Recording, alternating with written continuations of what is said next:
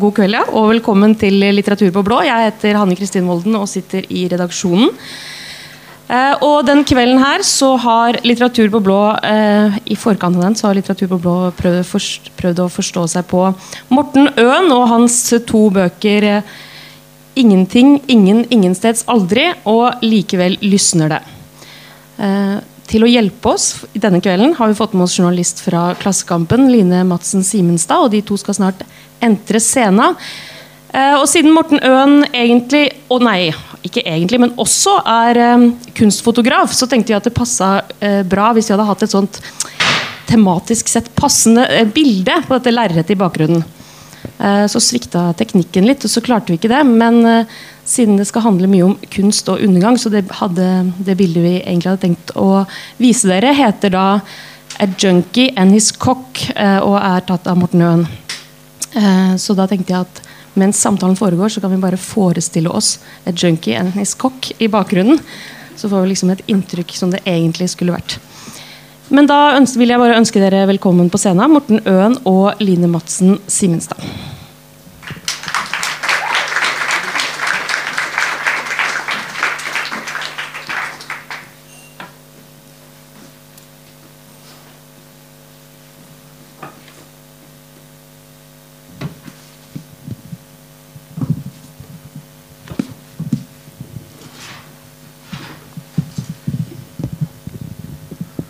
Sånn. Der, ja. Der, ja. Velkommen. Takk skal du ha.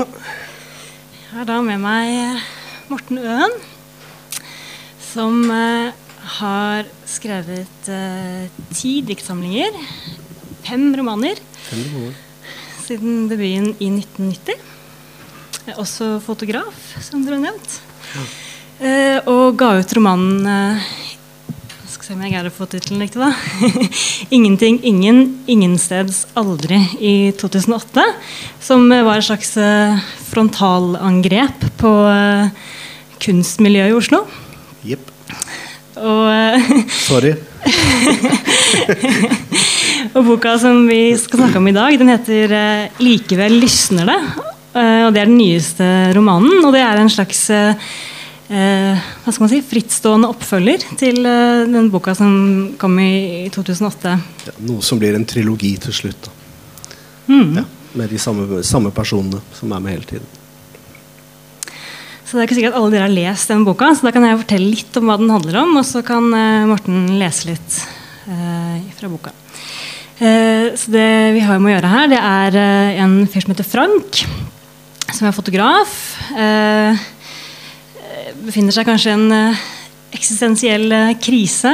Bor i Berlin og har vel gitt opp eh, kunstkarrieren og livnærer seg av å ta stillfoto på innspillinger av hva skal man si, ekstrempornofilmer. Og så bor han da sammen med en som heter Trine. En, hans dominerende slags kjæreste. Eh, som er konseptkunstner. Og Frank han blir på en måte Trines eh, kunstverk. Eh, det begynner med en, en får nesten kalle det en voldtekt. da på en, Nei, nei, nei. nei. Ikke voldtekt. Nei, nei, nei, ikke, med, ikke med den gjengen. Nei, Han blir kidnappa, da. Ja, Frank blir kidnappa. Ja. han gjør det. Ja. Han syns det er ålreit. Han synes det er ålreit. Ja. Ja. Det blir i hvert fall filmet av denne scenen her, og så, og så blir den eh, da til en eh, eh, Eller den blir stilt ut av den videoen på biennalen i Venezia. Og så følger vi da Frank på en reise gjennom Europa. Han prøver å frigjøre seg litt fra denne Trine. og på den reisen så, så blir han mer og mer hennes eh, kunstverk. Altså hun dokumenterer alt det han gjør, og har en slags sånn overordna plan da, for, for Frank. Det er alltid et kamera som ser oss. Ja, I hvert fall Frank. Han er litt redd for det. Ja. Ja. Eh, og så er det to andre karakterer i den boka som er viktige. og det er, eh, Eller det er flere, men det er i hvert fall eh, Andreas og Jon Christian. Eh, Andreas er en, eh, en slags forfatter. Eh, ganske paranoid, forstyrra fyr. Og så er det Jon Christian som har vel gitt opp malerkarrieren og har flytta opp i Alpene, hvor han er blitt en slags profet. Og de her to de har en, en teori da, som de har falt hen til, som er at alle menneskelige handlinger de er genetisk eh, bestemt, og derfor så er det ingenting som heter fri vilje. Uh, og Frank får sansen for den teorien her. Uh, ja Det er vel et slags Dette er handlingen, da, kan man si. Det det handler om. Ja. Ja. Mm. Eh, og det høres kanskje ut som det er en, en relativt eh, vanlig roman, men det er det jo ikke. For det, det er ganske eh, Veldig mye eh, eksplisitte skildringer av eh, ekstreme orgier, annet, i den romanen her. Litt Ja, flørting med nazismen og det ja. Ja. Men eh, ikke skyt budbringeren.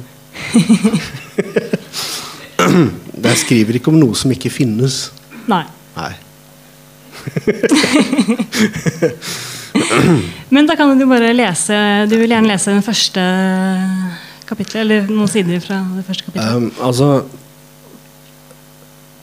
Åpningsscenen det er en pornografisk skildring som går over nesten 30 sider.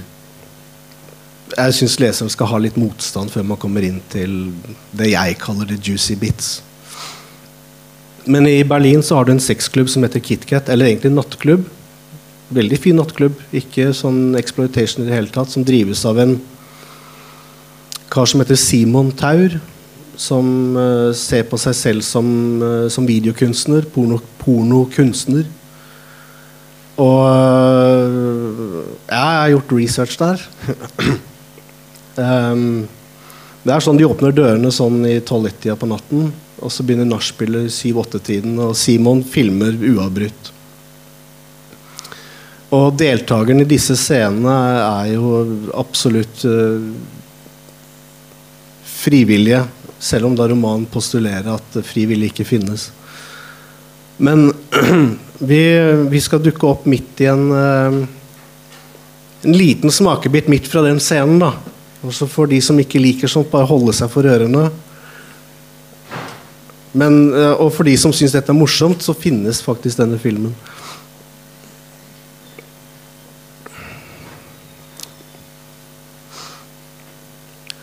Mona vil ha en overraskelse.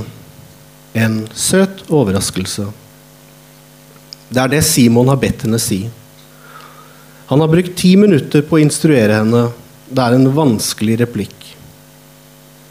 Hun sitter på hælene på det sjakkbrettmønstrede gulvet som en brikke som mot alle odds er i spill igjen.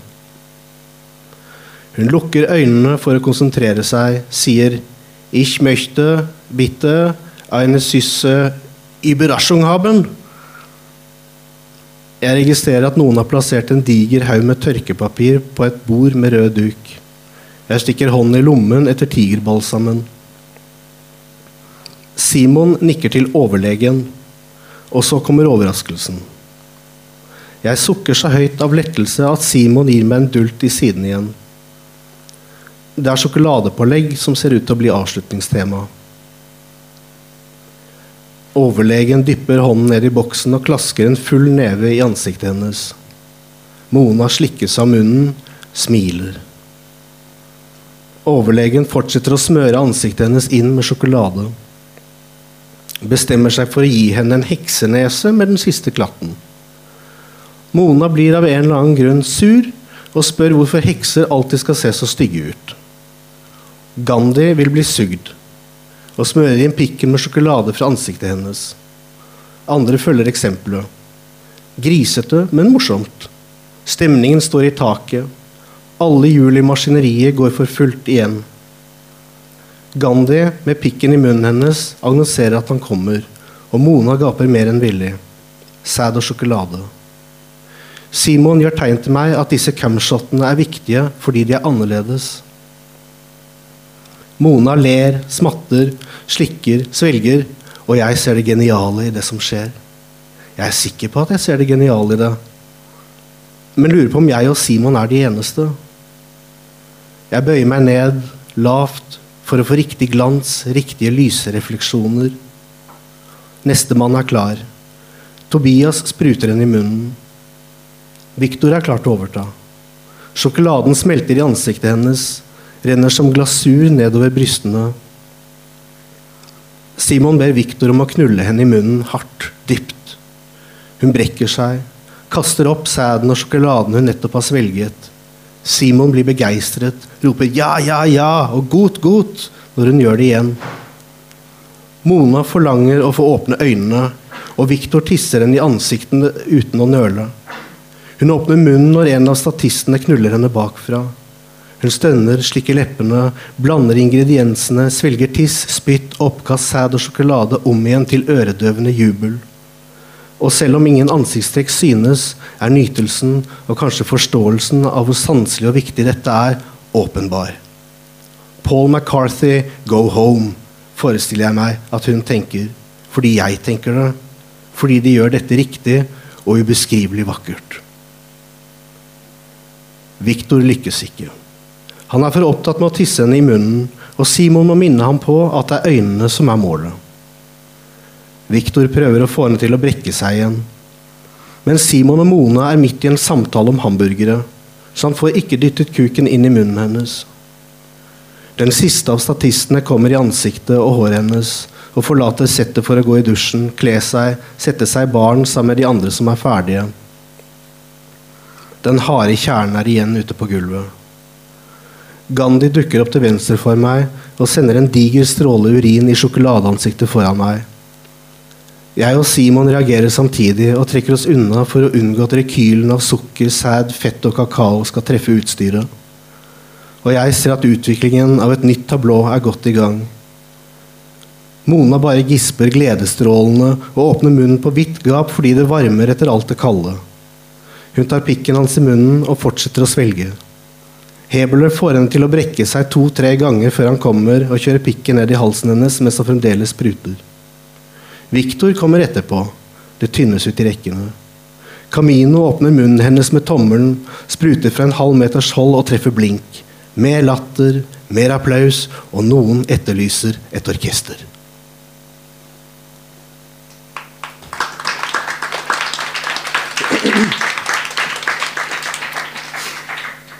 Det er litt av en åpningsscene i, Det er bare en bitte liten bit av den. Eh, disse folka som du beskriver, hvem, hvem er de? Hva slags gjeng er det? Altså, dette her er Simons øh, øh, det Han kaller det 'The Feast and Charmant Crew'. Som er en sånn løselig tilknytta 10-12-13 menn som gjør sine egne videoting på si, og øh, dukker opp på KitKat. Det er en del av det indre kjernen i KitKat-miljøet.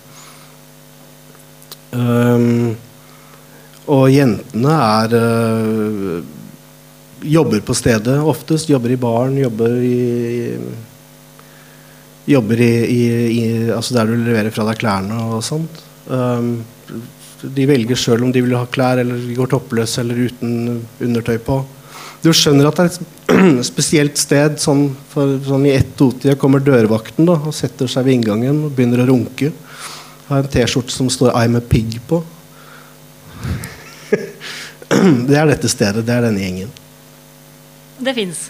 Det fins. Ja, ja, ja. Så jeg absolutt anbefaler veldig vennlige mennesker.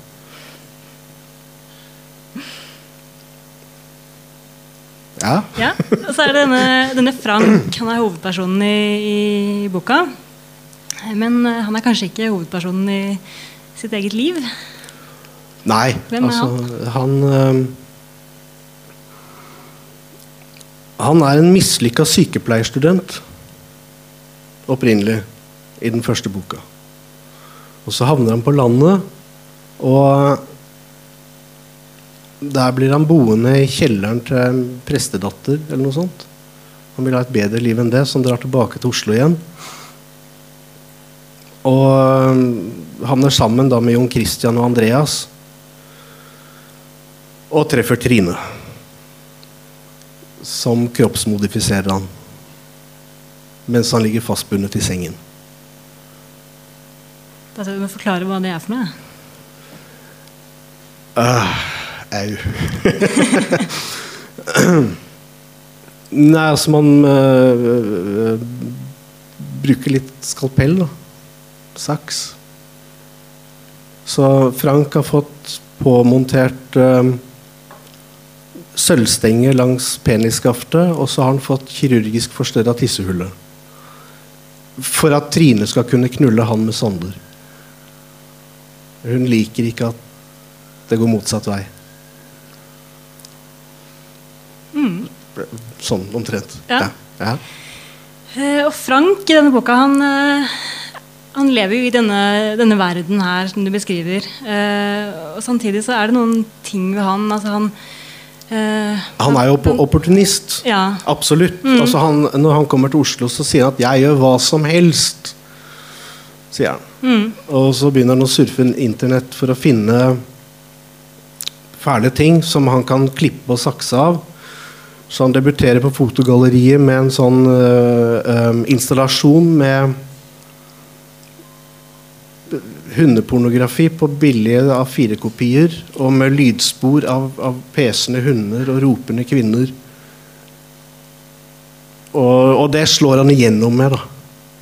Bortsett fra at Trine kupper utstillingen, så det er vel egentlig Trine som slår igjennom med Frank. da. For hun har også da vært med på å skape denne, den seansen. Mm, men samtidig som han eh, gjør dette her, så har han også en, en slags eh, lengten i seg etter noe eh, enkelt og ærlig. Og han har noen sånne svake øyeblikk. Han, han, han vet Han vet at en god fotografisk kunstner ikke engang skal like å holde i kamera. Helst få andre til å gjøre det for seg. Men han liker å holde i kamera, han liker å ta gode bilder, egentlig. Men han skjønner at det er veien til undergangen. da. Så her kommer vi til det som eh, vel var hovedbudskapet, i hvert fall i den, i den forrige boka, og vel som det også fortsetter på i denne boka her, som er eh, angrep, vel si, da, på eh, konseptkunst. Ikke så mye angrep på konseptkunst. altså Poesi er jo konseptkunst eksplisitt.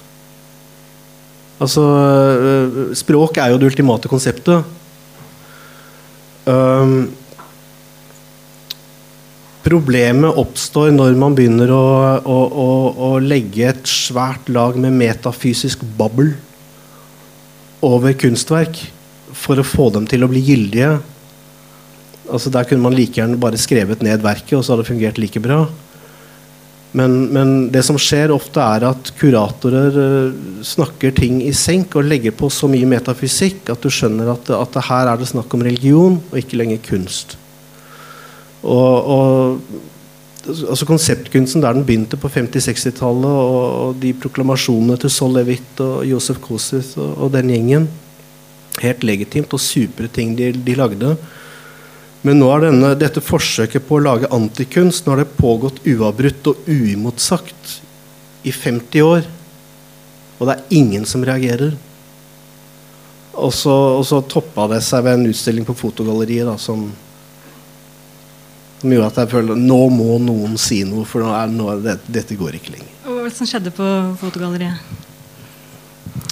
Uh, det var en utstilling av uh, Rainer Werner og ja, Hvis noen husker den, hvem andre som var, så må de si det. Um, som hadde en installasjon på Fotogalleriet. Det var vel i 2008 to, Nei, nei, jeg tuller. 2006-2007. Der de hadde veldig enkelt tatt ned lysarmaturene fra taket og, og tatt inn en benk fra parken vis-à-vis og en søppelkasse, montert lysstoffrørene på, på disse gjenstandene og tent lyset på dem. Uh, og helt grei, nydelig utstilling, og sånn, men problemet var det at kuratoren, uh, Ida Kierulf, uh, prøvde å forsvare for seg selv og for eh, medlemmene av Fotogalleriet og Forbundet Frifotografer, som jeg også er medlem av, eh, hvorfor denne installasjonen befant seg i Fotogalleriet, altså et sted for fotografisk kunst. Eller fotobasert kunst, da. Og da gikk det fryktelig galt. Ok, ok. Jeg tror jeg har et utdrag av katalogteksten. Ja da. ja da. 'Sketches for the Meantime' het utstillingen. Um, mm. Skal vi se I den katalogteksten sto det Sketches for the meantime sirkler rundt ventetid som fenomen i regien av fotografiske scener med uklar opprinnelse og utgang. Belysningen, løsrevet fra sin nyttefunksjon, poengterer samtidig fotografiets lysavhengighet ved å konstruere en slags fotografier i tredimensjonell form. En ødelagt benk fra den nærliggende parken blir et destillat av potensielle hendelser.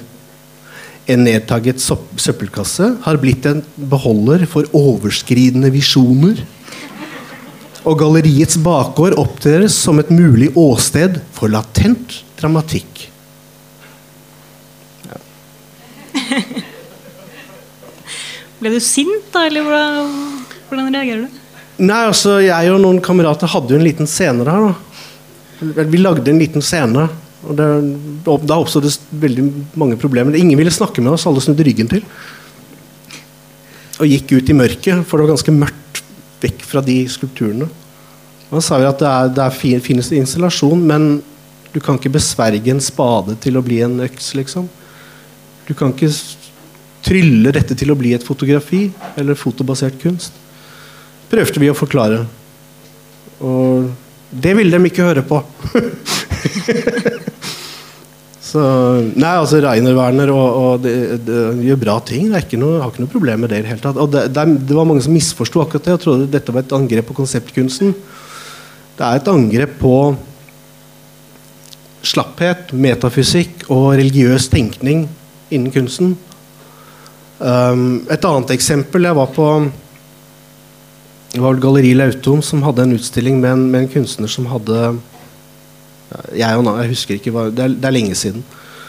Men utstillingen var kopier av verk. Eh, kunstneren hadde laget eh, tegninger og, og, malerier. Og så hadde hun tegnet og malt kopier etter at verket var ferdig av disse tegningene. Noe som var helt greit. Som jeg ikke hadde noe imot. Men når jeg var der og spurte galleristen om hva som foregikk, og fikk den lappen i hånda, så um, og spurte Ja, det kommer til å stå noe i avisen om dette, for jeg var der på oppdrag fra Aftenposten. Uh, og, sånn, og så begynte hun å forklare da, at det var ikke alt som var kopier likevel. Noe var skisser før det var ferdig, men det var liksom en kopi, da, selv om kopien da ble til først. Og ikke etterpå. Og så hang det en tekst som var en sånn skrevet på svensk, et, en stor ramme. Og så sa jeg det, Oi, det diktet der som står i den ramma der sånn til 40 000 kroner, er det en kopi? Ja, det er også en kopi, men originalen er på engelsk.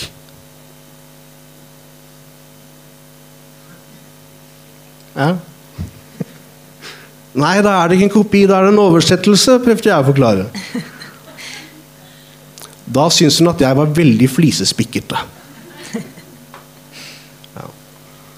Så det er sånne ting, da. og I denne boka her da, likevel lysner det, så uh, Frank han uh, i sitt forsøk på å frigjøre seg fra Trine, da, så ender han opp med Han har et kort forhold med en uh, jente som heter Mona. Som er, det er hun som er i åpningsscenen. Ja. ja. hun er i tillegg til å være pornofilmskuespillerinne, så er hun også kunststudent. Mm. Uh, og så blir Frank med på skolen hennes for å snakke til studentene da, om, sin, uh, om, sine arbeider. Og da får han en slags uh, oppvåk... Eller han blir konfrontert da, med sine tanker i møte med disse 19-åringene. Ja, han, drar, han, drar jo, han drar fram en powerpoint-presentasjon, det samme som han gjorde på fotogalleriet, med disse pesende hundene og denne hundesexen og de tingene. Og forventer da å sjokkere disse, disse sarte studentene. Men de begynner å le. For det er vel kutt ut mann, du er, du er i Berlin nå. Dette har vi holdt på med i 20 år. Så sier jeg gå heller ut og ta bilder. Gjør som professoren vår. Ta med deg kamera og gå ut på gata. Som, som franske filmskapere forfekta på, på, på 60-tallet. Altså Uh, Godard. Uh, ta, ta, ta, et kamera, gå ut, lag film. Så enkelt. Det, da føler han en sånn liten glede over det. da Og så tar Mona han i hånden, og så går de og kjøper fotoutstyr. For Trine har knabbet den Leicaen han hadde. Under temmelig grusomme omstendigheter. ja. Så Det er en litt sånn Morgan Kane-kobling der. ikke sant? Morgan Kane er da slått bevisstløs og kommet seg etter sykeleie, og så går han ut for å finne seg en ny gunner. Og det er det Frank gjør. Sånn som du da kjenner eh, Frank da, når du har skrevet uh, disse bøkene, er det, er det noe håp for han? Kan han bli en, uh, en stor kunstner? Nei. Nei. Sorry. løpet er kjørt? Løpet er kjørt, ja. ja. Det er, det nei. Jeg har brent for mange broer. Føler du noe sympati for han når du skriver om han? Jeg føler stor sympati, for at eh, Frank er jo en som prøver å, å gjøre det uh, uten å ha gått utdannelsen, uten å ha gått akademiet eller, eller håndverkeren eller noen ting. Så han prøver jo bare å presentere seg. 'Hei, jeg er Frank, jeg er genial'. Uh, um, så, så, allerede der så, så har du en smule motbør. Selv om han treffer Trine, som er veldig inside. Hun kjenner alle. Hun kjenner finansmenn, og hun kjenner folk med aksjer i Ikea. Jeg fortell om Trine. Hvem er hun for en Trine er en utstudert røver som, som mener minst mulig om mest mulig. For du må for all del ikke støte noen. Som hun også sier til Frank, at 'Frank, du vet bedre enn det enn å skape deg uvenner'. Så herregud, skal vi mene noe om noe? Nei, ikke risk det. Så, så, hun prøver bare å skaffe seg hun, bare, hun flyr som en sommerfugl gjennom livet og syns alt er uh, sporty og fresht. Hva vil si. Og så syns hun det er gøy å, å, å, tulle med Frank. Da. Det er hennes prosjekt. Å manipulere Frank. Få han, han til å gjøre få han ut på glattisen mm. og se hva som skjer. Blant annet da når Frank blir voldtatt i kjelleren på KitKat. Han blir voldtatt, altså. Ja, han, han blir voldtatt. Men han syns det er kjempekult når han får klapp på ryggen når han kommer opp igjen. Da. For at alle har sett det på storskjerm i, i, i storsalen på KitKat. Live. så, så da er det ålreit. Da drar de til binalen i, i Venezia og viser den filmen.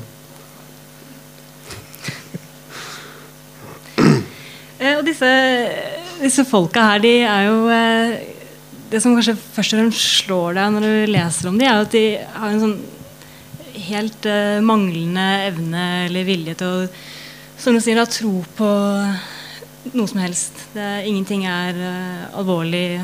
Du kan si det ene eller det andre, det har ikke noe å si. Eh, og, og, så kan du si at Andreas og Jon Christian og de tar det til det ekstreme ved å påstå at man at det er ingenting som heter fri vilje. Er det Og Frank begynner også å, å tro på dette her. Er det et sånt forsøk på å gi den komplette meningsløsheten noen mening? Altså, vi lever i et konsekvensløst samfunn, kan man si. Du skal virkelig gjøre mange ting veldig galt før noen tar deg i kragen og sier 'hei, slutt med det der'. Og hvis du ikke møter motstand og kan bare seile gjennom livet som disse gjør med, altså Du kan gjøre utrolig uhyrlige ting som ikke er kriminelle. Men når du kan gjøre det liksom unchecked på et eller annet vis, så, så Så forsvinner man jo et eller annet sted i dekadensen, dekadansen. Um, når det gjelder fri vilje, mangel på fri vilje, så er det noe jeg tror på. For min del. Og, og, skrev boka også delvis som et eksperiment i, i hva som um, Hvordan noen kunne tenke seg å misbruke det fakta at vi har en veldig begrensa fri vilje. Fordi at de filosofene som, som står for dette og, og, og, er banebrytere på det altså Soul Smilanski sier jo det at uh, jeg skrev boka i 300 eksemplarer, og når de er vekk, så skriver jeg ikke noe nytt. Og jeg vil helst at ingen snakker om det. Men dessverre så ser det ut at vi mangler fri vilje. Men jeg vil ikke være ansvarlig som filosof for hva som skjer når den erkjennelsen treffer uh, samfunnet. Og Galen Strawson er vel en, den mest kjente. Han har skrevet uh, uh,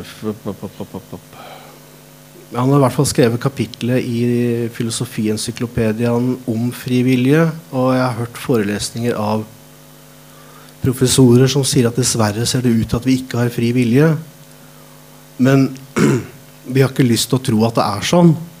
Men dessverre så peker ting i den retningen, både innen uh, nevrologien og, og, masse vitenskap som tenderer til Altså, vi har ikke fri vilje.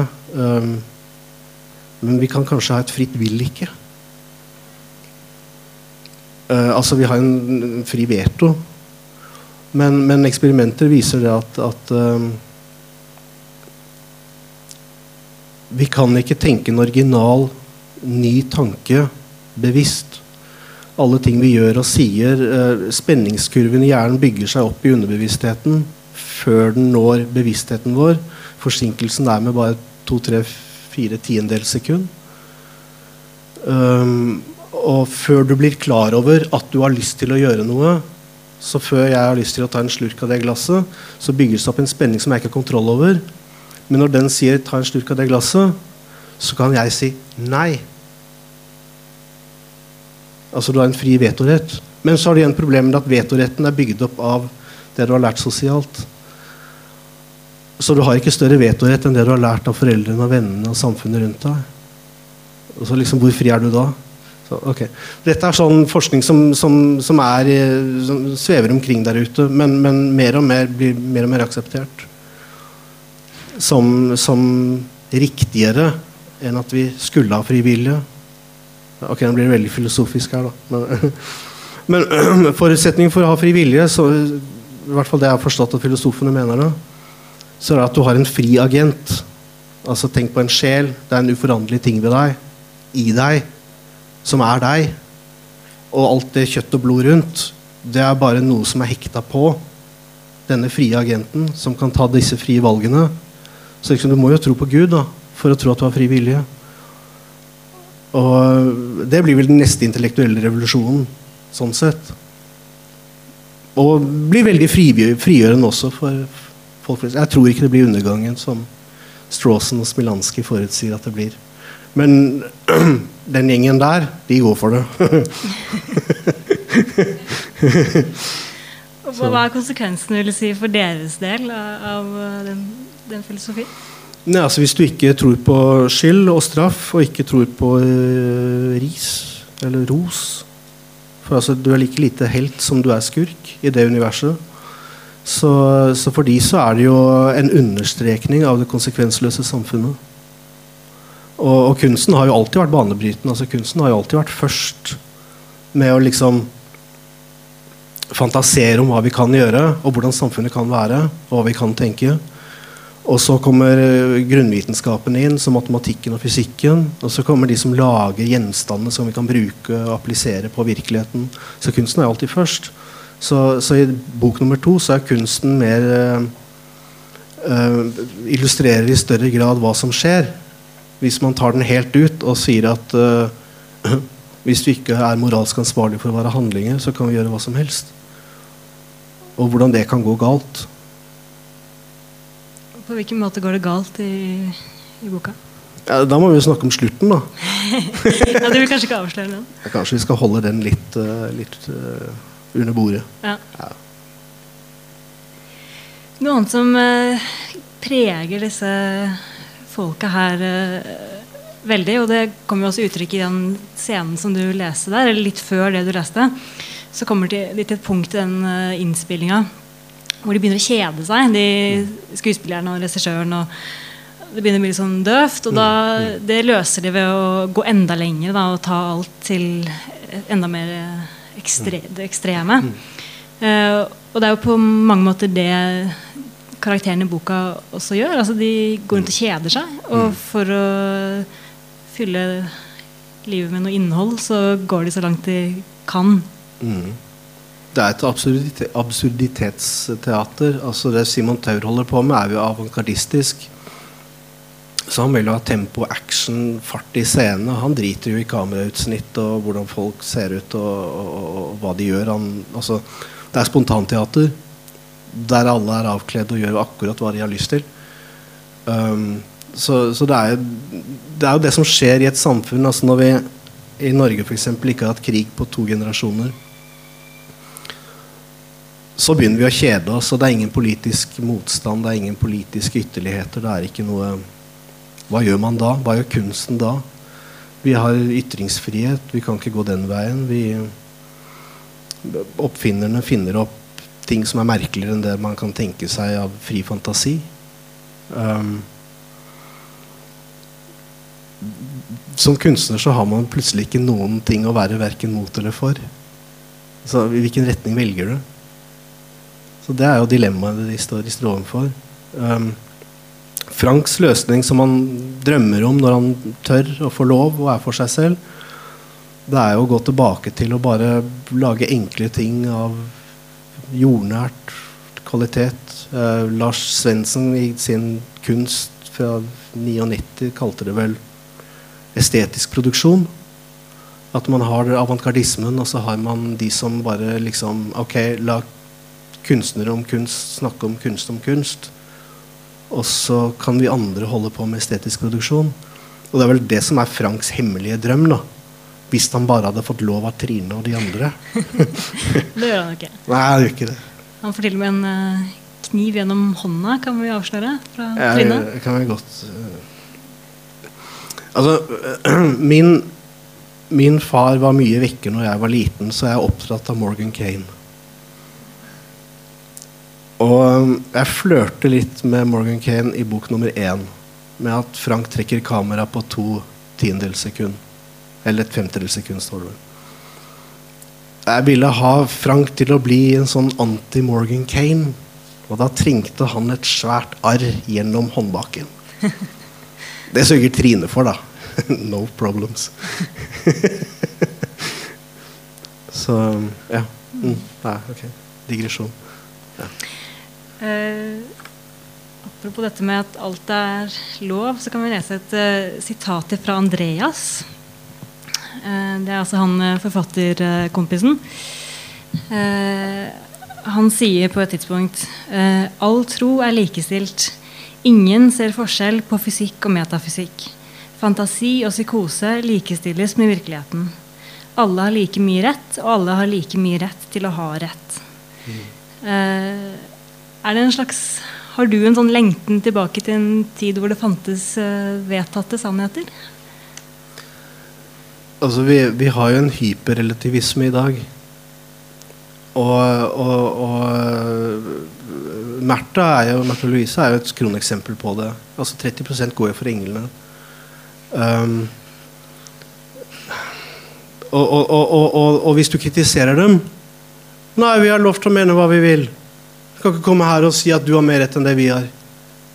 Og så er det sånn at Surprise, altså. Men, men det finnes ting som er mer sanne enn andre. Hvis man bare hadde satt seg litt inn i, i, i uh, Lest litt faglitteratur til en forandring, f.eks. For og, og, og vitenskapens styrke er jo at de tar feil hele tiden. Og innser det. I motsetning til de andre som tar feil hele tiden og ikke innser det. Hvem er de andre? Det er metafysikken og religiøsiteten og new agen. Og som uh, også underkjenner den vitenskapelige metode. Um, jeg jeg syns det er veldig trist uh, når, jeg går på, på, på, utstillinger og ser at, uh, at, at, noen forfekter en idé som er sånn at Ja, men det er jo ikke sant. Altså, dette er jo tilbakevist mange ganger i laboratorier, altså disse påstandene. Det er sånn, altså sånn som lysfontene, f.eks. Sånne ord. ja. Hva mener du da? Nei, har du sett den? Fontene av lys? Nei. Um, altså, man, man, man Sånn som besvergelsene til, til Ida Kjærulf. Som er sånn at dette kan jo ikke være sant, dette er ikke riktig, dette er fysisk umulig. Det går ikke an. Og, og det gjør meg alltid litt lei meg. At, man, altså, at det har blitt så profesjonelt at du går rett ut av hm, Steinerskolen og inn på akademiet. Uten at du har levd. Og så skal du komme ut og fortelle oss om livet. Som har levd. Og som vet at du tar feil. Um, jeg har støtt på kunstnere som har vært stolt av at de ikke har gjort research. For hadde de gjort research, så hadde de ikke lagd det kunstverket sitt. Fordi at det er gjort før mange ganger. Sånne ting. Altså at man ikke Altså lettvintheten, mangel på grundighet. At uh, men ikke sant, når man kommer med alle disse påstandene, da, så kommer jo alle de som er såra på de sine vegne. Og det er noe vi er gode til. Å være såra på andres vegne. Så, så det blir, har blitt litt pepper, da. Det har blitt veldig mye god feedback på, på disse påstandene også. Så, men, men, faktum er at, at det, er ikke, det flyter ikke fritt. Det er ikke sånn at alle har like mye rett, og alle har like mye rett til å ha rett. Det er ikke sånn verden fungerer, selv om vi ønsker at den skal være sånn. For å komme tilbake til utgangspunktet. Mm. Det finnes sannheter. Men denne relativismen er jo noe av relativt uh, ny dato. At den er såpass utbredt at alle har, har rett, til å yeah. ha rett. Ser du for deg at, uh, at, det er noe som går i, i bølger? Altså Kommer vi til å komme tilbake til et, uh, et punkt hvor um, det er mer plass for vedtatte sannheter, eller er det toget kjørt? Nei, altså det går i bølger. altså Pendelen svinger fram og tilbake. Så jeg ser ikke på det som noe stort problem. Altså Virkeligheten gjør det virkeligheten gjør. Det er ikke noe man kan styre eller bestemme over. Men altså Problemet med et konsekvensløst samfunn er at du aldri blir fortalt at du har tatt feil. Altså Du får ikke tilbakemeldingene. Fordi at uh, ja, En ting er at man ikke tør, da, for man får ikke stipend neste år. Uh, men en annen ting er jo at man alltid møter på at ja, men jeg kan mene det motsatte av deg, og, og det er like gyldig.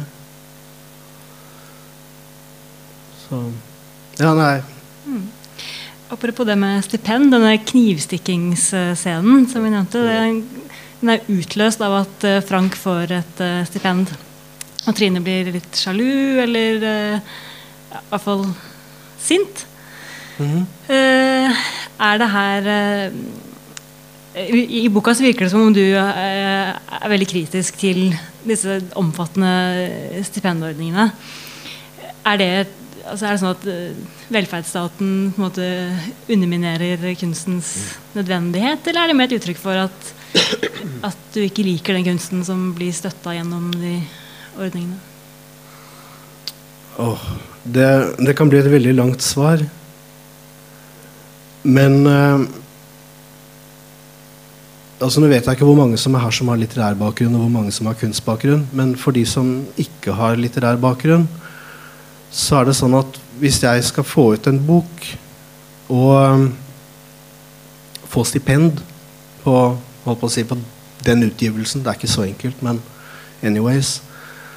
Um, så reviderer jeg den tre ganger. Uh, skriver noe om igjen tre ganger. Uh, etter feedback fra min redaktør. Uh, det går gjennom en redaksjon. Det leses av to uavhengige lesere. Det leses av uh, Kulturrådet. Tre eller fem personer. Eh, det leses av Det litterære råd, som er ni personer som er ansatt på heltid med arbeidsstipend for bare å lese alle bøker som utgis. Som til slutt bestemmer om du får stipend eller ikke. Stipendutstillingen på Kunstnernes hus så bruker de i gjennomsnitt eh, jeg tror jeg leste 15 eller 30 sekunder, disse fem menneskene som går og ser på bildene. Og så gir de stipend. Um, så det er noe veldig annerledes med kvalitetssikringen i litteratur enn i kunsten. Det er noe med en kritisk prosess som ikke finnes i norsk billedkunst. Som, som man er fritatt for pga. at stipendordningen fungerer som de gjør. Men hvis man hadde hatt en mer reell økonomisk motstand, så måtte man kanskje i større grad forholde seg til en strammere kritikk av seg selv som kunstner. Og det er vel kanskje noe jeg er, altså, Jeg har lyst til å være forsiktig med å snakke om de tingene, men, men, men jeg prøver å touche på det og sier at uh, hvis du får et statsstipend, så er du betalt av staten for å gi noe tilbake til folket. Og den veien er det ikke veldig mange som tenker. Um, uh, jeg er forresten medlem i Fremskrittspartiet. så jeg er ikke kommunist. Men som kunstner oppfører jeg meg som kommunist. Um, jeg har garantiinntekten. Og jeg tar ikke betalt for arbeidstiden når jeg lager mine fotografier. Så hvis noen svinger innom Nissedal, så får de en original signert stempla kopi på galleripapir for 200 kroner. Men jeg lager ikke mange bilder. Men jeg jobber gratis. Jeg tar ikke betalt for arbeidstida, for at dette er allerede betalt for. Den tiden det har tatt meg å lage dette. Jeg får penger for det én gang. Folk skal ikke betale to ganger. Jeg savner litt av den tankegangen, f.eks. Og det er den kommunistiske siden av meg, da. Så jeg vingler litt mellom, mellom de ytterpunktene. Men Kan du si noe om hvordan det har påvirka deg å ha eh, garantiinntekten? Ja, det er Ditt arbeid? Å, herregud. Det er ikke morsomt. Tenk dere om. Og jeg er veldig glad for at den ordningen er ut. Og jeg skulle ønske at min garantiinntekt ble omgjort til arbeidsstipend. Men det er ikke, det er ikke noe jeg rår over. Jeg, jeg har, jeg har, har garantiinntekten. Ja. Uh, så, så, så, jeg er glad den ordningen står for fall. Og jeg er glad NBK ikke oppdaget at de var fjernet av statsbudsjettet før etter nyttår. at det var ut. Det som var trist, var at NBK melder seg også ut av samarbeid med de andre kunstorganisasjonene og plasserer alle billedkunstnerne rett over sidelinja uten innflytelse på, på, de prosessene som pågår med stipendmidlene. Det er fryktelig trist. Eh, men tilbake til eh, innholdet i ja. boka. det er jo som nevnt veldig mange skildringer av ganske ekstreme orger. Yep. Uh, hvorfor det? Hva, hva, er det med sex som var så viktig ja, for deg å ha med ikke, ikke i boka?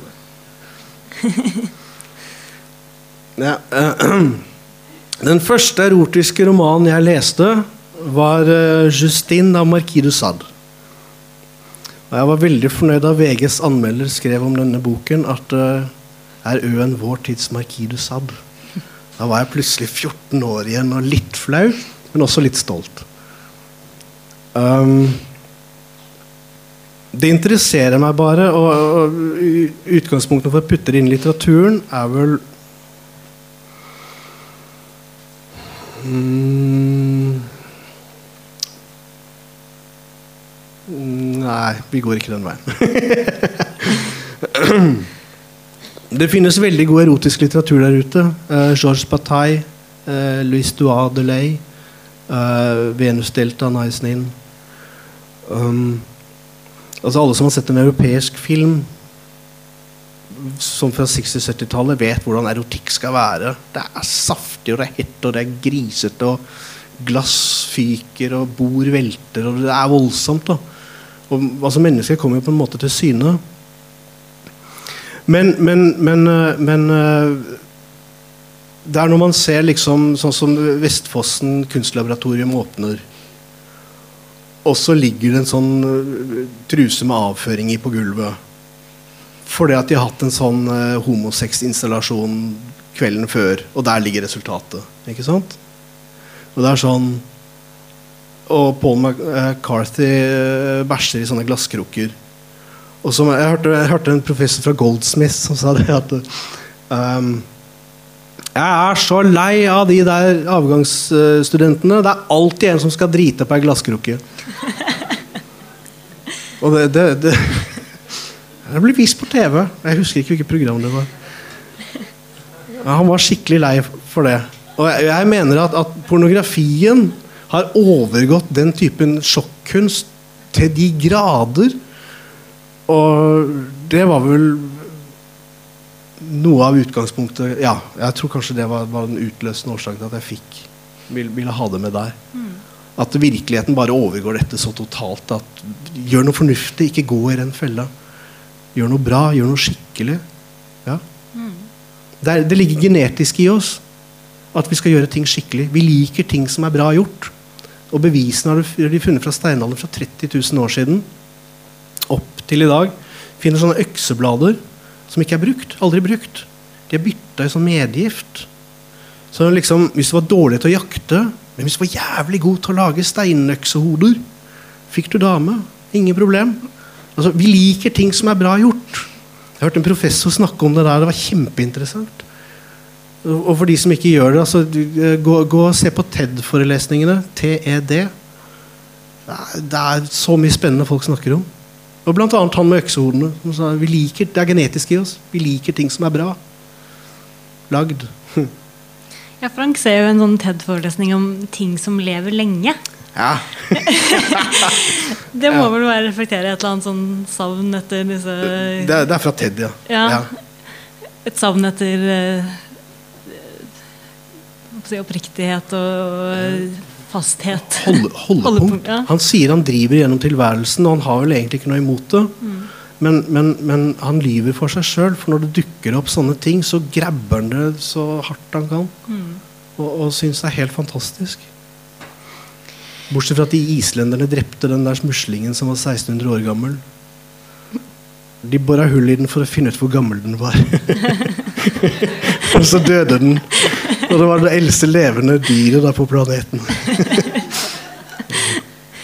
Eh, Men tilbake til dette med, med, eh, med disse orgiene. Altså, Mathias Fallbakken, som jo tilhører denne konseptkunstverdenen som du er eh, kritisk til, han har jo en av hans teser da, i denne skandinaviske misantropi-teologien er jo at de eneste to tingene som står igjen, som det går an å Som har noe som helst sjokkeffekt, da, er pedofili og nazisme.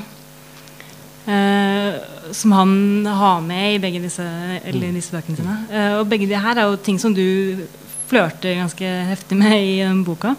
Ja, det var ikke min feil, da. Nei, Jeg bare, jeg bare men, men er, du, det jeg ser. er du enig i den, uh, i den tesen? er, er det de to tingene som står igjen, Nei. som fortsatt provoserer? Nei. Nei? Nei, jeg vil si at det å, det å presentere det, og at, at vi f.eks. mangler fri vilje, er en mye større tabu eh, enn en nazisme og pedofili. Altså, vi er, vi er møkk lei hele greiene. Altså, det, det er sånn Nei, ikke kom med et hakekors. Uh, og så eh, Eller så er det noen som ser på sånn reality Next Great Artist. Veldig morsomt på amerikansk TV. Uh, så er det en sånn gruppe, da, de er fem kunstnere, og så sier den ene Let's make something about poop. Og så er det to av dem da, som, som, som, som er litt mer sånn fra Midtvesten, som sier Not again. og, og jeg tror, jeg tror vi, å, å se en pike bite i en Suge på en mannsarm, eller, eller, eller noen heise et naziflagg over teateret teater i Polen Jeg tror ikke det er man blir sinte og tar den ned, og så glemmer vi det. Det er ikke noe du gjør karrieren din på. Det er ikke noe tabu igjen å bryte.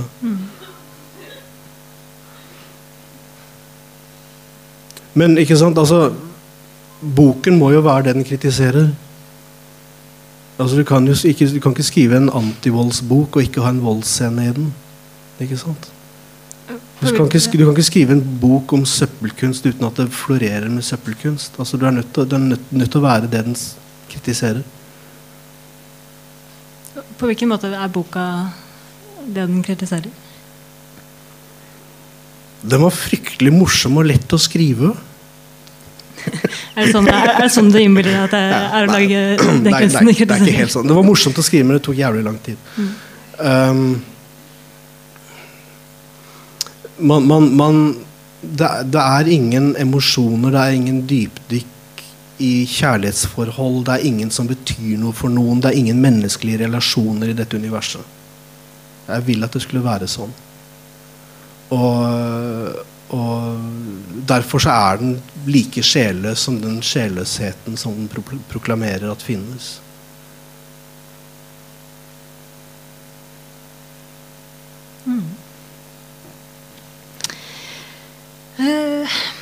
Altså Når man leser denne boka, her, så blir man jo ganske fort uh, herda. Altså, sånn, det her var jo eh, første scenen som du leste fra i stad. Det er jo ingenting. Men den går jo ganske hardt ut da, til å begynne med. Ja. Eh, og, så, uh, og så leser man, så blir man vant til boka og dens form og dens, uh, altså hvor eksplisitt den er. da. Så blir man kanskje litt immun da, mm. et, underveis. Eh, er det et bevisst eh, Ja, det er med vilje. grep? Ja. Ja. Mm. Um, altså, jeg ble foreslått flere ganger altså, ja, en åpningsscene, og du klarer å gjøre det på en og en halv side.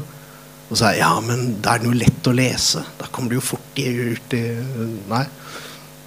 Så der tar jeg vel egentlig et grep fra, fra Soul Smilanski og Galen Strawson med at uh, dette skal ikke være tilgjengelig for hvermannsen. Dette skal leses av godt voksne mennesker med et reflektert syn på ting. Og når du kommer til den pornospassasjen over 25 sider, eller hva det er, så er det sånn at Nei, dette er ikke en bok for meg. Og det er bra, for det er ikke en bok for deg. Så det er en måte bare å filtrere leserne på. Var det feil sagt? Nei, men jeg liker Akkurat den boka her ville jeg at skulle åpne med motstand. Absolutt. Og at det skulle støte på Altså Både det å kunne skrive om ting som faktisk foregår, som ingen reagerer på. Fordi at det er lovlig. Og så er det små ting som er ulovlige, som blir slått hardt ned på. Så veldig sånn uforklarlig hvordan rettssystemet reagerer på ting. Så jeg ville ha noe sånn som øh, altså, Også sjokkeffekten, men det at liksom Den typen altså ikke skyt budbringeren. Altså jeg har lyst til å bare Dette finnes. Og så må vi forholde oss til det. Og så må vi møte oss sjøl i døra. For dette, dette er det samfunn, dette er en bit av det samfunnet vi har skapt. Hva finner oss i? Men da må jeg spørre deg, i og med at du er borte på bl.a. pedofili og også dyresex, som jo på en måte er absolutt i ytterkanten av, eh, av det meste. Er, er det noen ting du ikke kunne ha skrevet om? Er det noen ting som du ville ha syntes vært for frastøtende å, skrive om? Altså, jeg vet at uh, i, i, i American Psycho så blir Brett Easton Ellis spurt om Han liker ikke å snakke om boka, det er én ting. Men når han skal snakke om boka, så sier han at det er én ting, et kapittel, han virkelig angrer på at han skrev. Han var jo høy som en ørn på kokain, da, men Det var den kapittelet som heter 'Barnedrap i Zoo'. Når han skjærer strupen over på en fem år gammel gutt for the fun of it. Og det er den scenen han sier han ønsker at han ikke hadde skrevet. Og jeg kunne ikke tenkt meg å skrive, skrive den scenen. Som, som, altså Den typen lystmord det er, det er veldig uinteressant for meg.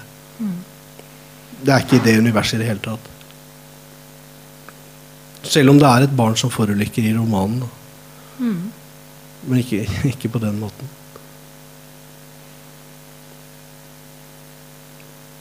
Det er bare fordi jeg, jeg liker det ikke.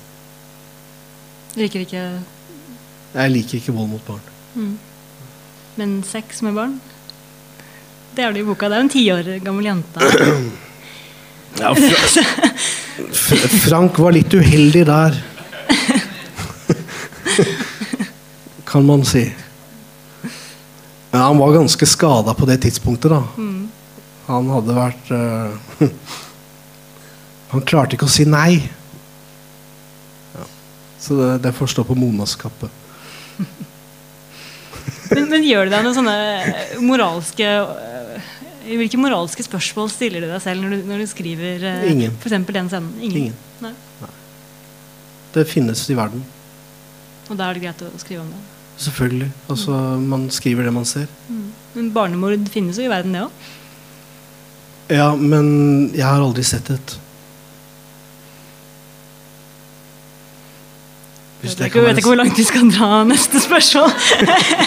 Kanskje vi bare skal la det ligge der. Um, anmelderen i, Fedrelandsvennen eh, mente at eh, med denne boka her så skyter du spurv med kanoner. At det gikk liksom veldig hardt ut. Eh, og når du har fått den litt på avstand nå, er det um, Måtte du liksom dra den så langt? Ja. Mm. Jeg skyter ikke spurv med kanoner. Ikke i det hele tatt. Nei. Jeg bare lager et drønn som et backdrop for å, for å illustrere hva jeg har lyst til å snakke om. Og, og, og hvis du blir døv av det drønnet, og så legger vekk boka, så er det bra, for det er ikke boka for deg. Så, så takk for det, liksom. Det er helt greit. Mm.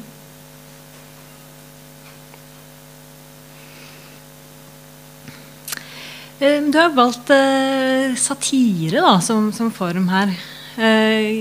Kunne du valgt en annen, eh, mer eh, konvensjonell form, eller var det alltid satiren som, som det måtte bli? Ja, det måtte bli det. Altså, jeg, jeg kunne lefla med mange former, mange ståsteder. Er det et krimmysterium? Er det en terroristbok? Er det, hva er det for noe? Og, og fant ut at for å få dette så lettbeint som jeg ville, da, de stedene det flyter fort, så ble jeg nødt til å kutte ut uh, tyngde. Mm. Så det er, det er en flashy bok, da, sånn sett. Det er veldig mye action, det skjer veldig mye. Ja. Mm. Så den, den drives jo sånn. Og så det at den alltid er skrevet med at um, Det står ikke noe der som du ikke kan se og høre, på et eller annet vis. Altså, det er, det er et kamera til stede hele tiden som ser og hører. Så det er ingen dybde inn i karakterene. Fordi at alt er bare sett. Og, og, og du kan ikke få til det i noen annen sjanger enn satiren. Du er jo poet gitt ut eh, ti eh, diktsamlinger. Eh, hvordan eh, legger du fra deg eh, poeten når du skriver en roman som dette? Jeg gjør jo ikke det. Altså, jeg bare velger hvor poeten skal være til stede. Mm. Og, og det, det må jo glimte til av litterært håndverk innimellom. Sånn at ikke alt bare faller på at uh, dette her er jo bare porno. Så må man jo bruke noen av de kreftene noen steder også. Altså man er litt mer alvorlig. Og prøver å vise at man tross alt kan tegne. Selv om man bæsjer på en krukke. Jeg kan tegne! Det er en liten tegning nederst der. Hvis du skjønner? Altså det, er, det, er, det noe med håndverksstolthet å gjøre, tross alt. Da. Så, men altså, de første romanene, altså roman, første og andre roman, var jo veldig poetiske. Der, der er det sånn at virkeligheten eh, Himmel er denne fargen. Der er, jo- der er ikke virkeligheten til stede engang. Altså Personen vi ser gjennom, eh, ser ikke verden som den ser ut. Virkeligheten bare skimrer, tangerer så vidt hans psykose innimellom. Så den er jo skrevet helt på, på subplanet, hele boka. Og det er jo re- ren poesi. Det er bare snikluring av poesi inn i, inn i prosaen. Men så var det det at jeg hadde et par venner, og vi snakka masse om ting. Og vi hadde ting på hjertet, og noen kom på den smarte ideen. 'Morten, du som er forfatter, kan ikke du skrive en roman om dette?' Blant annet etter den famøse utstillingen på Fotogalleriet. Og det, hm, ok. Og det har vært gøy å gå på jobben. Altså Det å skrive boka altså Det som er kjipt, er når du må skrive den to, tre, fire ganger om igjen. Og det tar ett og et halvt, to år. Og så gå gjennom hele den andre prosessen. Bruk ett og et halvt år på å skrive den, og så må du skrive den om og om, og om igjen. Og det er et helvete, mildt sagt. Så, så jeg har lyst til å gå tilbake til poesien innimellom. Men det er morsommere å gå på jobb når du skriver det her, eller? Altså, verden er jo bare helt sprø. Altså. Det er så gøy. Det er så mye rart. Du reiser litt og ser snodige ting og Ja, så når, når, når jeg og kjæresten min var i Krakow Det er jo en Krakow-sekvens i boka for øvrig. Men, men sant, så sitter vi på en cocktailbar, for vi har noen penger å brenne som vi ikke orker å ta med oss ut. Vi klarer det ikke, da. Vi hadde 100 euro igjen, tror jeg, og vi satt og bestilte 30 cocktaildrinker på den cocktailbaren. Bare for å smake på dem, for Vi har aldri hatt råd til å smake andre steder. Så hører vi at det sitter et stavangersk par ved siden av oss. Middelaldrende par. Og jeg hører plutselig at de snakker norsk. Så sier de Heidi, vi snakker tysk. Nå snakker vi tysk. Og vi plaprer i vei på tysk, da. Og den norske samtalen blir jo høyere og høyere ved siden av oss. Det er denne Stavanger-kvinnen med krusete, kort hår sånn, bibelfrisyre, briller og Han snakker i detalj om hva han gjorde når han gikk på do. Hvordan Først sto den ene veien, og så kravlet opp og sto på porselenet med føttene den andre veien, for ikke faen om hun skulle sette seg med rumpa på et polsk toalett. Og detaljene bare strømmer på. det blir bare sprøere og sprøere. Og når, når eh, forleggeren min leser den scenen, så sier hun at Nei, jeg har også sittet ved siden av de der på en flyplass i Frankfurt. og det er sånn Yes! Du klarer ikke å la være å putte det inn da, ikke sant? Ja, apropos Krakow, at du var der. Altså, du dukker jo opp i boka selv, du, i Krakow. Jeg gjør det. Ja. Du heter bare Øen i boka. Ja. Ja. Frank liker ikke Øen. Nei, han er ikke det. Nei, Øen har fått stipend som er større. Men hvorfor vil du ha deg selv i boka? Ja, det, jeg skal, det vil jeg ikke si for mye om, men det avslører seg noe roman, tredje i trilogien. Ja, Før vi avslutter, så kan du jo si litt om det. Det kommer en eh, Det kommer en tredje bok. ja. Ja. Den blir mye mer action. Det blir, det blir ikke så mye sånn vold og porno. Litt, men ikke, ikke, ikke mye. Hvis jeg kan unngå det. Det er en veldig liten bygd jeg bor i akkurat nå. Så de kjenner seg igjen hvis jeg skriver om dem. Jeg må være veldig forsiktig der, altså. ellers så blir man spist av bygdedyret. Det blir en morsom sånn Morgan Kane-bok. Men da kan du lese en, eh, en liten del til fra avslutningen. Og så åpner vi for spørsmål eh, fra publikum etterpå.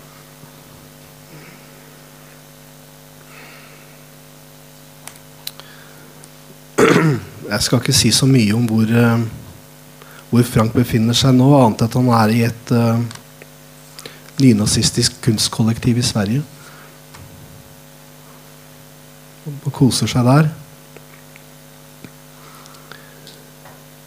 Jeg våkner tidlig, plukker opp kameraet og går ut. Følger stien igjen, elven, i retning Stockholm. I trygg forvissning om at sivet, den tynne isskorpen, Vannets utbredelse kommer til å stoppe meg. Over meg mellom kvistene er himmelen klar og blågrønn. Jorden kaster skygge over seg selv fordi sola ikke har kommet over horisonten ennå. Det drysser iskrystaller over skuldrene mine, mot ansiktet, fra tynne greiner som knekker med sprø lyder når jeg tar av fra stien. Laget av frost tykner etter hvert som jeg kommer nærmere elvebredden, vannkanten. Jeg trekker opp glidelåsen på skinnjakken, bretter ned øreklaffene, og når sola står opp, når de første guloransje strålene finner veien mellom trestammene, krattet, sivet, går jeg ned på kne, trykker på utløseren uten å se gjennom kamera. Gult lys, spinkle blå skygger, hvit og rødglitrende snø, Kaoset av brungrå greiner, sprukken, mosegrodd bark kan ikke temmes. Det er ingenting å komponere. Jeg fortsetter å fotografere i blinde, frigjøre meg fra alle konvensjoner, beveger meg langs den overvokste bredden i stadig høyere hastighet. Lar pekefingeren holde takten på utløseren. Ett bilde i sekundet, hvert halvsekund. Lavt langs bakken. Og jeg kjenner noe annet ta over en sammensmeltning av tilfeldighet og intensjon. En umulig forestilling jeg ikke kommer til å være i stand til å peke på før senere. Mye senere. Jeg lar dette drive meg videre. Snubler i småkulper. Ruller rundt på siden, ryggen, for å beskytte kameraet. Den dyrebare årgangsoptikken som er stilt inn på nærmeste fokus, dødt, ubevegelig, observerende. Jeg tar bildet rett opp. Gjennom de bladløse trekronene, sort og blått, inn og ut av fokus. Gule tørrkvister som fanger solstrålene mer og mer. Ingen pause. Opp på føttene. Et stormløp gjennom underskogen. Jeg løper med vilje inn i trær for å få isen til å eksplodere i gylne skyer over hodet mitt, mens jeg tar bilder i omtrentlige retninger, omtrentlige utsnitt, kommer til vannet jeg ennå ikke har sett den andre bredden av, og gjør en sklitakling ned i vannskorpen, blir våt gjennom støvlene, får snøen i jakken, inn på kroppen, våkner til en krystallklar scene gjennom rush av endorfiner, roper 'sånn for faen' opp mot verdensrommets alt, og gjør ikke det minste forsøk på å komme meg på bena. Lytter bare til ekko av stemmen, pusten min. Registrerer at hva det enn er som kommer tilbake, så er det mitt eget.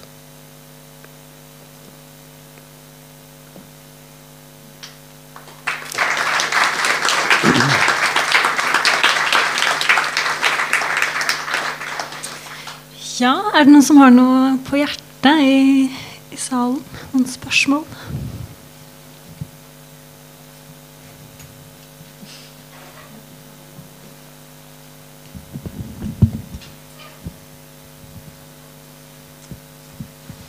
Ja, jeg har et spørsmål. Fordi denne eh, kunstnergjengen som beskrives i boka som eh, eh, tanken på det eh, konsekvensløse for dem, da, som ikke mener noen ting og som ikke tror på noe som helst. Og de sier selv at det å tro på noe er på en måte veien til undergang. Da. Det må man for all del ikke gjøre. Eh, så lurer jeg på om du mm, tenker på disse kunstnerne som på en måte en representant for sin generasjon. Da, at vi alle lever i et sånt konsekvensløst samfunn og liksom metaforisk driter på krukker på en måte og har slutta å tro på noe, eller om eh, det er bare eh, i, Eller om det er bare denne, disse kunstnerne som representerer den type holdning til livet. Eh, og, hvis, eh, og hvis det er sånn at vi alle hvis de representerer oss alle, er det da sånn at en ny alvorsgenerasjon er i emning, sånn som noen har beskrevet, i hvert fall i Norge i det siste. Takk. Jeg tror at alle tror at de tror på noe. Um, men jeg tror, ingen, jeg tror det er veldig få som brenner for noe. Um, jeg kan illustrere det med et eksempel. Jeg hadde håpet å unngå 22.07, men jeg hørte en, en dame snakke om at Breivik hadde blitt forsøkt angrepet to ganger, og at ingen av gangene var det nordmenn som forsøkte. Men det var utlendinger. Det var en polakk, tror jeg, også en med pakistansk bakgrunn. Vi, vi, vi tror, vi tror, men jeg tror Jeg tror ikke vi tror vi forstår hva det betyr. Fordi at vi, som jeg har sagt et par ganger, at det har ikke vært, det har ikke vært alvor for oss de siste 50 årene. Um, så erstatter vi da denne mangelen på alvor med med noe vi tror er alvor. Alvorlig. Ordentlig og reelt og virkelig. Og så tror jeg mange går i fella med at det er det ikke.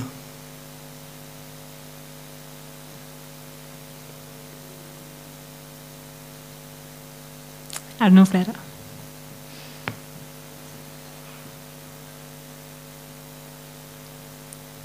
Nei. Trenger ikke tvinge folk til å spørre. Nei. det var det. Komme fram hit og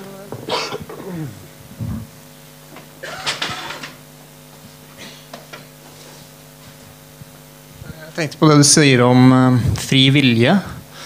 Uh, det kan jo kanskje forstås på mange måter, men uh, f.eks. For forrige svaret ditt. Da har man, hvis, det, hvis, man ikke har fri vilje, er det altså, Fritt veto?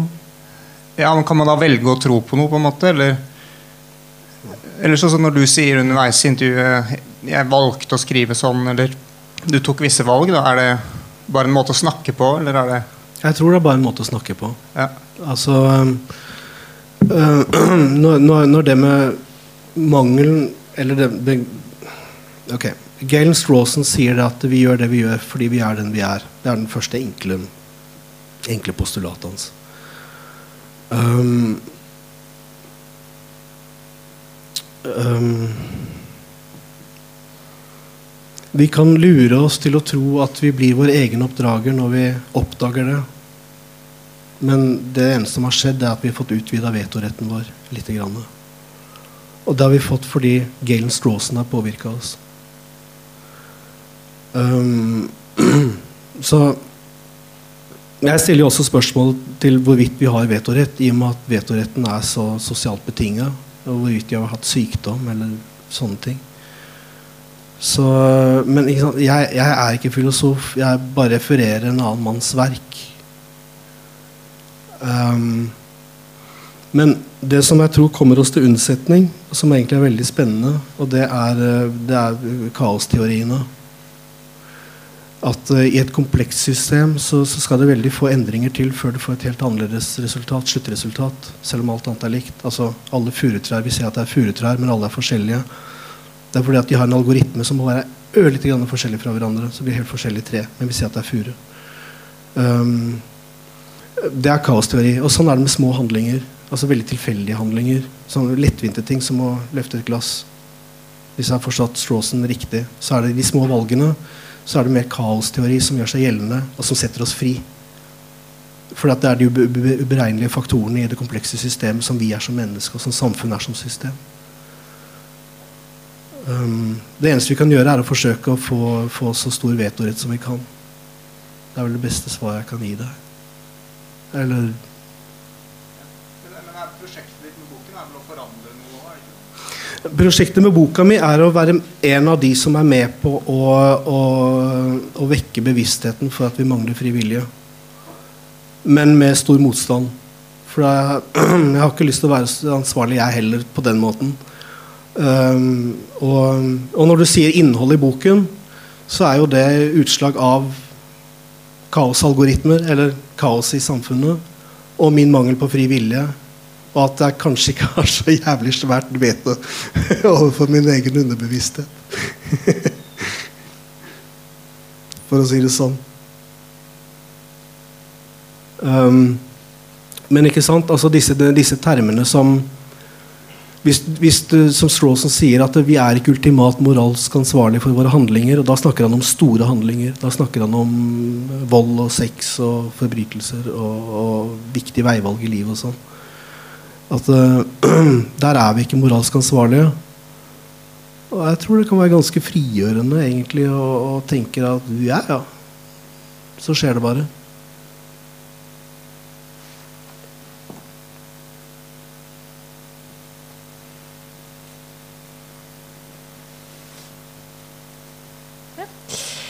Da setter vi strek for i kveld. Så får dere ha takk for at dere kom. Takk for meg.